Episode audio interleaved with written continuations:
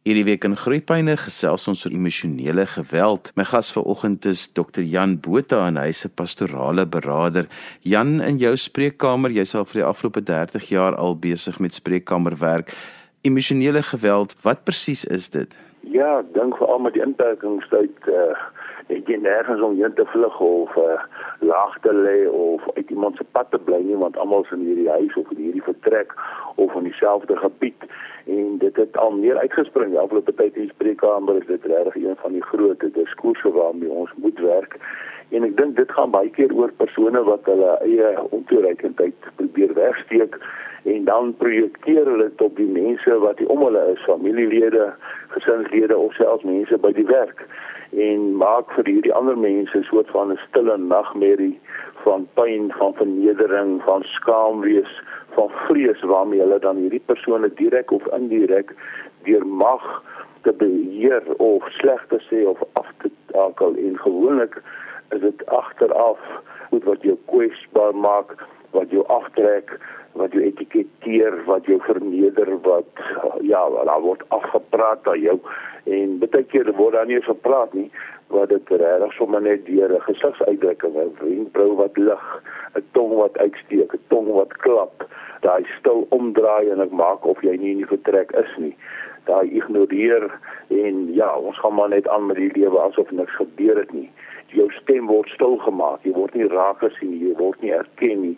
So daar's baie fasette van hierdie ek wil amper sê 'n soort van 'n boelie gedrag maar dit gaan op emosionele vlak. Is nie noodwendig eers naaste by fisiese krukkie rond of slaan jou of skree of vloek nie. En ek dink dit is baie keer baie erger as hierdie fisiese aanduibare sake wat jy by polisie kan aangee. En uh, ja dit maak seer en dit verneder mense en van die te hulle menswees Ja, want ja, dit is ook iets waaraan ma's, pa's, kinders, mans, vrouens, oumas, oupas, dit is gaan oor geslagte heen. Dit gaan oor alle verhoudings heen. En dit wat alles baie so interessant en is soos jy nou juist gesê het, is dit is nie iets wat 'n mens kan fisies wys nie, maar dit maak net so seer asof jy iemand regtig met 'n harde vuishou sou geslaan het. Ja, en ek dink daai skade is baie baie erger. Die vuishou kan jy wys en jy kan sê ek is jammer of jy kan skuldig voel of dat die die blougheid gaan weg. Maar die woorde wat kwes die woorde wat seer maak is baie keer soos 'n tweesnydende swaard sny deur jou hele menswees dit vernietig jou eie selfbeeld jou selfvertroue. Dit vernietig die geloofwaardigheid dat ek ook menswaardig is en 'n verskil kan maak of dat ek ook daarom iets kan beteken en ek dink dit is die lollere jy loop baie keer met hierdie skuldgevoel en sal ek ooit genoeg wees? Hierdie persoon nou net aan vra en sê en breek af en erken nie dit wat ek doen nie of ek moet nog meer doen. En ek dink al daai verwyte skuldgevoelens raak later so 'n negatiewe maalkoekie in jou dat jy later net voel ek kan nie aangaan nie, jy raak depressief en ja, dit lei baie keer tot selfdood. Ek is nooit goed genoeg nie niemand gaan my mis nie en ek begin al meer dink ek is waardeloos. Ek word nie raak gesien gewaardeer nie en dan lei dit baie keer tot selfdood of dat 'n persoon so depressief raak en nie meer uitkom nie of so seer dit dat ek niemand meer in die oë kan kyk nie want ek is hierdie mislukking. Ek is hierdie persoon op wie die hele tyd gepik word wat die hele tyd hierdie koue skouer kry wat alleen moet gaan slaap wat nie raak gesien en waardeer word nie. Ja, wat so interessant is van emosionele geweld is is dat dit aan die een kant is dit baie keer iemand wat heeltyd uitreageer wat ons altyd sê wat nie toepaslik reageer in situasies nie wat rasend skel en voortdurend kritiek lewer en wat mense dit regtig dit is nou hard en duidelik en dit hou nooit op nie. En dan aan die ander kant is emosionele geweld ook weer op die ander kant van die spektrum is dit iemand wat eenvoudig stilsteppe kry of net stil bly of heeltemal onttrek maar dit bly ook nog steeds 'n vorm van geweld en baie mense sê maar dis nou sommer sommer net nonsens. Hoe kan as ek nou stil bly ook 'n vorm van geweld wees? Ja, so dit het gesê, ek dink hierdie koud, hierdie koudheid, hierdie stilstyt by hierdie rug op jou draai. As ons twee gaan slaap, ek sê nie nag nie, ek draai my rug op jou of ek lê langs jou sommer net, ek draai nie my rug op jou nie en ek sê nie goeie nag uh, of uh, uh, iets nie en daar gaan ons. Uh, dit is baie keer baie erger soos ek sê as daai fisiese merke wat ek al wys of woorde wat ek hoor baie keer selfs so daai stilstyp by jou 'n krul trek, jou wenkbroue lig of sommer net glad nie reageer nie, maak my 'n persoon uh, wat glad nie bestaan nie. Ek is maar net daar en ek word nie raak gesien soos net of sê dit of wat weer nie. Hierdie persoon word eintlik maar 'n persoon wat maar net elke dag seker huistake moet verrig of seker uh, geld moet inbring as 'n broodwinner as man en iets wat ek nogal die afgelope tyd baie meer bemerk is twee dinge. Die eerste een is daar's baie aandag wat gegee word aan geweld teen vrouens en kinders. Ek dink dit is baie belangrik, dis 100% te sien ek die moeilikheid in ons werk daarmee elke dag. Maar twee dinge wat afgeskeep word dink ek is ook geweld teenoor mans en dan ook geweld uh, en dit gaan oor 'n boelery en seermakery van kinders teenoor ouers. Kinders wat in ons ou tyd toe ons groot geword het, man, as jy ore doof is, het jy jou blaker boude warm gemaak en dan het jou was in jou ore gesmelt soos die ou mense gesê het en dan die weer geluister. En deesdae dink ek menswaardigheid is so ongelooflik belangrik, maar meer kinders boelie ouers selfs en veral kinders uh, wat maas boelie uh, deur stilstype of die hele tyd uh, hier alles te bevraagteken en hulle ma sleg te sê of dan 'n vrou wat haar hele tyd op haar man soos die jonges sê se keises en afbreek en sleg sê en jou pa is daarom net soos oupa of soos die ou by die werk of daai mislike ander persoon en dan noem hulle 'n naam en daardie twee fasette dink ek word onderspeel terwyl dit net so belangrik is in ons stelsel en ons samelewing na buite. Jan, want as 'n mens in 'n spreekkamer werk, dan is dit juist die emosionele geweld deel van jou kinderdae wat in die spreekkamer uitkom wat gesê het maar my ma was die hele tyd krities teenoor my of ek was net nooit goed genoeg vir my pa nie. Jy weet daardie tipe goed en dis alles lê binne emosionele geweld eintlik en dan is dit so hartseer as jy as 'n volwassene moet teruggaan na jou kinderdae toe om dit te gaan gesond maak. So kom ons maak dit gesond van die begin af. Wat is die dinge wat 'n mens op moet let in 'n situasie wanneer jy weet jy word nou aan emosionele geweld blootgestel? Ja, ek dink daar's 'n paar goed. Ek dink uh iewers het ek 'n keuse as 'n kind of 'n vrou of 'n man of wie ook al in hierdie situasie is om aan te gaan soos dit is.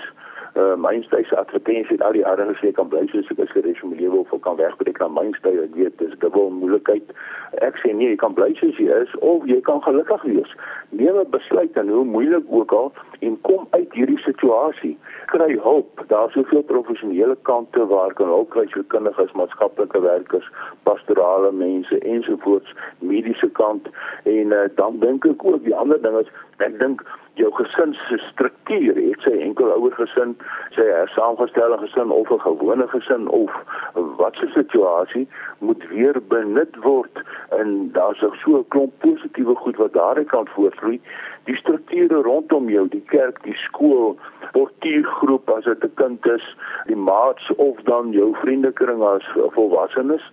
Dit is ook strukture wat kan benut word en ek dink aan bietjie uh, amper wil ek amper sê bysit in jou kop praat en jy sê man nee, mens kan nie so aanhou nie. Jy moet iewers jou voet neersit of nee sê of ophou of self ja, as dit nou vreeslik erg gaan, kom en sê nee. Dan moet jy nou vir hierdie man sê of vir hierdie vrou ek gaan nou uittrek. Ek kan nie so aangaan hierdie verhouding maak my dood, ontmenslik my en ek dink dan begin daar dinge gebeur baie keer en dink nie dis 'n dreighouding ek gaan nou dreig om uit te trek of te skei of dit te doen of dat te doen nie. Nee ek dink baie keer is dit maar uit moedeloosheid.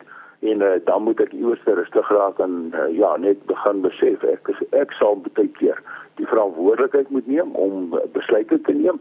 En by daai besluit hoe moeilik ook al en wat die gevolge ook al is sal ek moet vas staan staan of val en dit begin doen Jan, hoe hanteer ek dit as my tienerkind emosionele geweld teenoor my pleeg? Want dit is so belangrik want ja, ons weet tieners het nie altyd die beheer oor hulle eie emosies nie. Ons weet dat hulle is nog besig met identiteitsvorm, maar dit gee hulle mos nou ook nie die reg om my as ouer die hele tyd af te kraak nie. En dis baie moeilik om daai balans te vind en om dit te hanteer. Ja, ek dink dit gaan baie keer eh, dat so 'n kind doelbewus of onbewustelik skade aandoen aan sê 'n ma of 'n pa.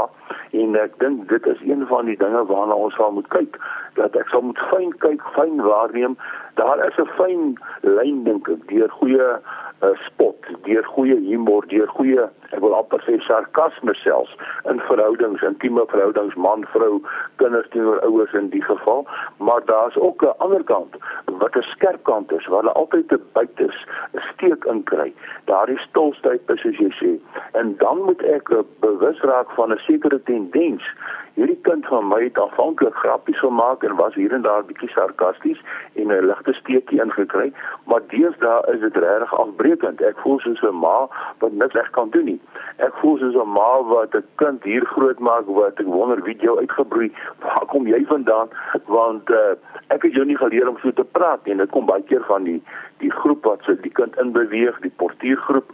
Dit kom baie keer uit hierdie opstaan die hormone hier binne in myself. Ek verstaan nie my kop raas en hoe gaan ek hierdie dinge uitsorteer nie en nou projekteer ek dit op my ma of op my boeties. En uh, ja, ek dink ons as groot mense wat al meer emosioneel volwasse is, wat sekere mylpale in ons lewe bereik het, uh, so kinderlike vlak maar op godsdienstige vlak ook meer holisties lewe en volwasse wat jou emosies en dan ook jou verstandelike vermoëns waar jy kan redeneer en dink positief, logies, analities.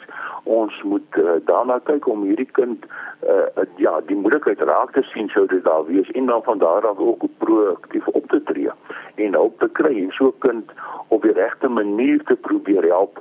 En ek dink die positiewe sielkunde is iets wat ons uit 'n sekere hoek kan help met baie klomp positiewe dinge wat ons kan raak sien wat daar is baie keer maar ons vergeet daarvan.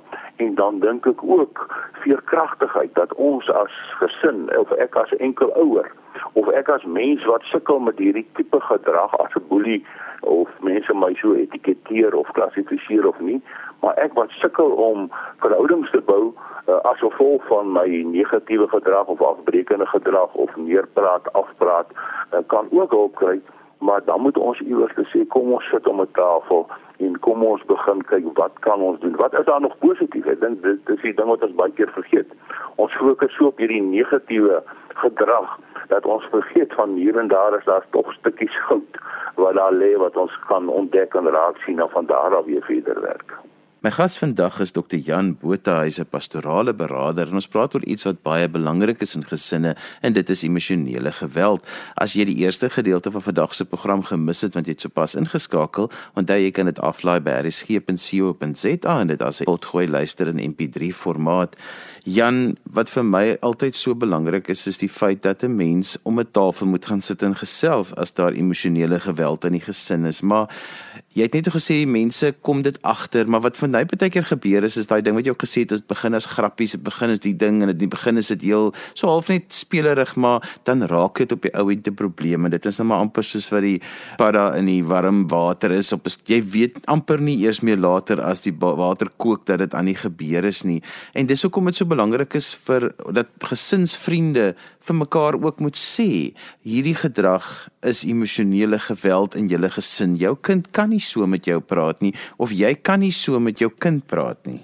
Ja, dink ek uh, uit die fisiologie kom ons en sê daar is iets soos 'n stelsel en ek dink wat ek altyd vir ouers sê uh, of jy nou met die hele gesin praat of net met die kinders of uh, ek kies baie keer om die gesin aan te werk in die situasie en te sê kom ons sit nou hierso. Hier is 'n stelsel en hierdie stelsel bestaan uit hierdie volgende vier persone. Hier's 'n pa en 'n ma en hier's twee kinders en dis een groot appel daar is en goed ek stel dit so lelik gewoonlik nie maar dan het dit op hierdie die hele stelsel 'n negatiewe invloed. En hierdie negatiewe invloed raak later 'n diskurs of 'n stuk negativiteit wat versterk word en bevestig word. En dan kry jy gesinne wat deur 'n krisis of teëspoed verpletter word en dan kry jy gesinne wat sterker word en ek dink dit is waar iets soos veerkragtigheid ons help. Hulle word sterker, hulle hulle leer uit hierdie goed, hulle tree positief op en hulle gebruik hulpbronne wat beskikbaar is. En uh, die oomblik as dit gebeur, hierdie pad wat hulle loop as gesin, hulle begin aanpas soos die tyd verloop, hanteer hulle die stres en spanning, hulle identifiseer hierdie stressors of ek wil amper sê hierdie sake woorde of optrede van die een of ander persoon in hierdie stelsel wat wat die hele uh, ek wil sê al die moeilikheid trigger uh, en van daar af kan jy begin werk. Anders uh, werk jy net oppervlakkig en nou praat ons en dan gaan ons weer nie Ek dink ons moet diep praat.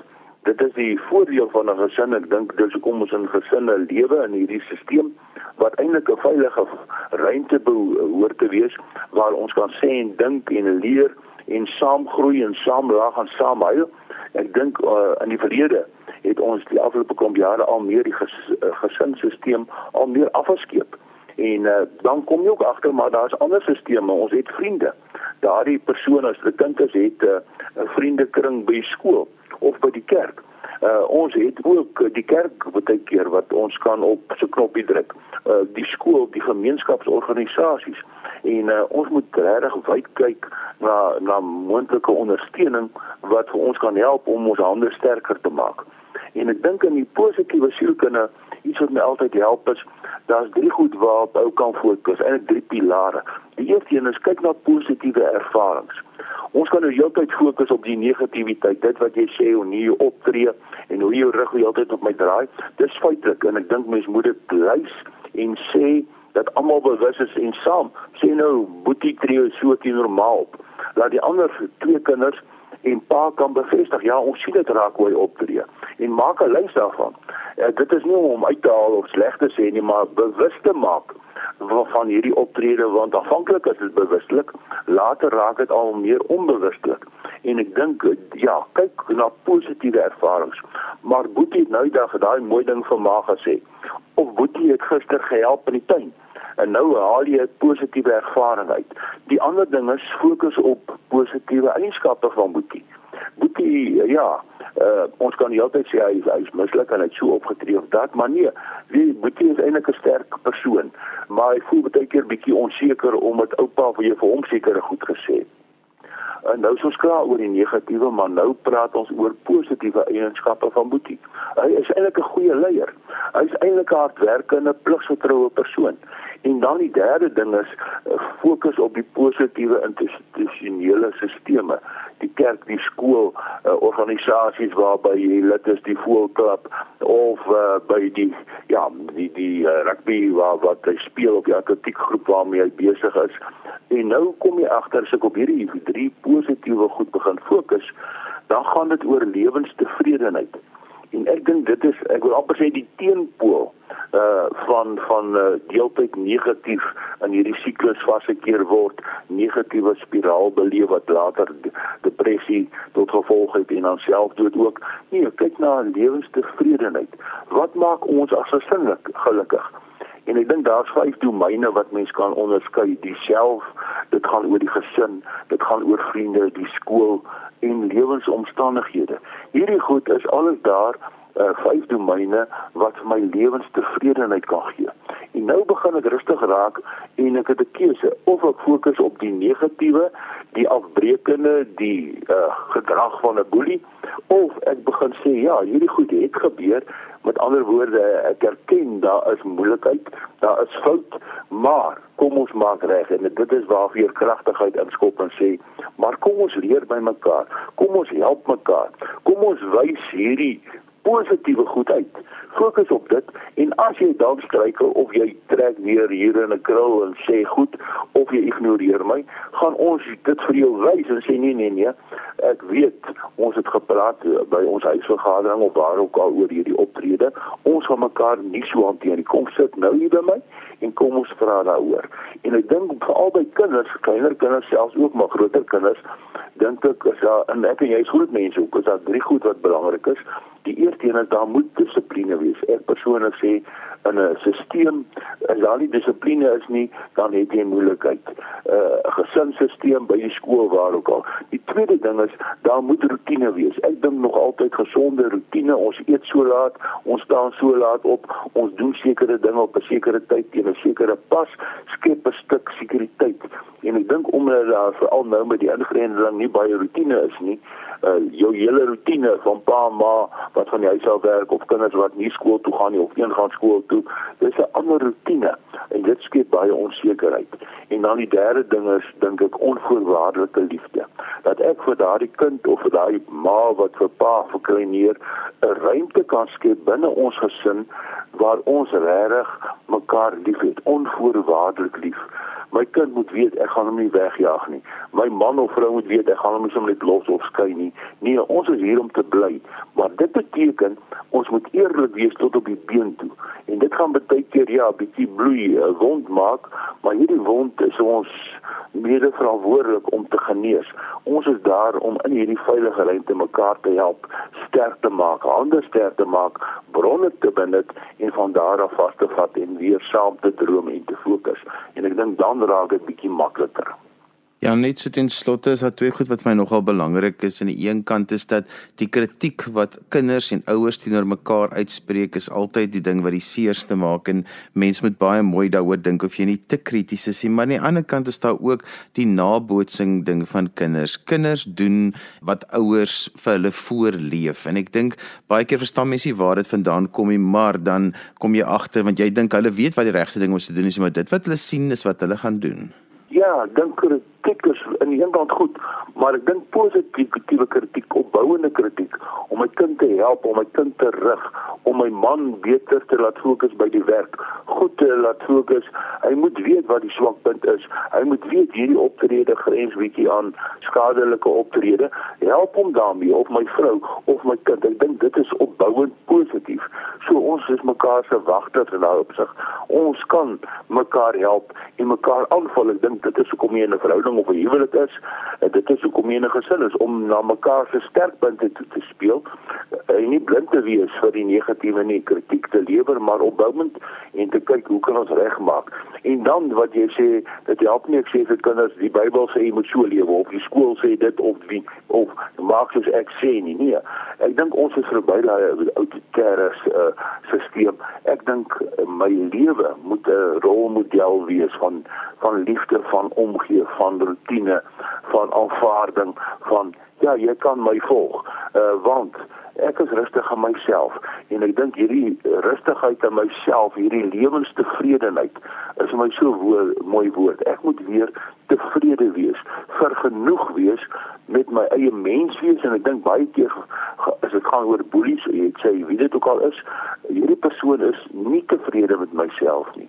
Ek is nie oukei okay hier binne in my nie en nou projekteer ek hierdie nie oukei okay emosies stippende mens wees, verwerping deur my pa of wat ook al eh, van my oupa en hoe ek gemolesteer is en al daai ander seergoed projekteer juis op verhoudings en mense naby my omdat ek nie geleer het om liefde te aanvaar nie, om woorde van waardering te spreek nie, kaarte help en te ondersteun nie.